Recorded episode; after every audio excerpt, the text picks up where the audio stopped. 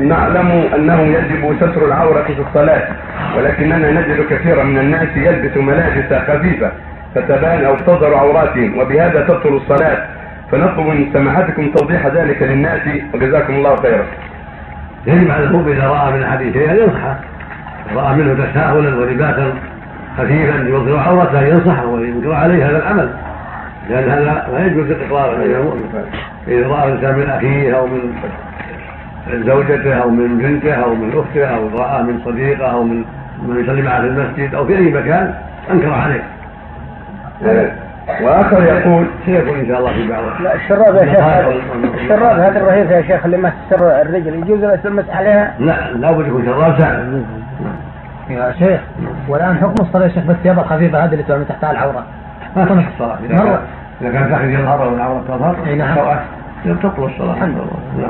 نعم.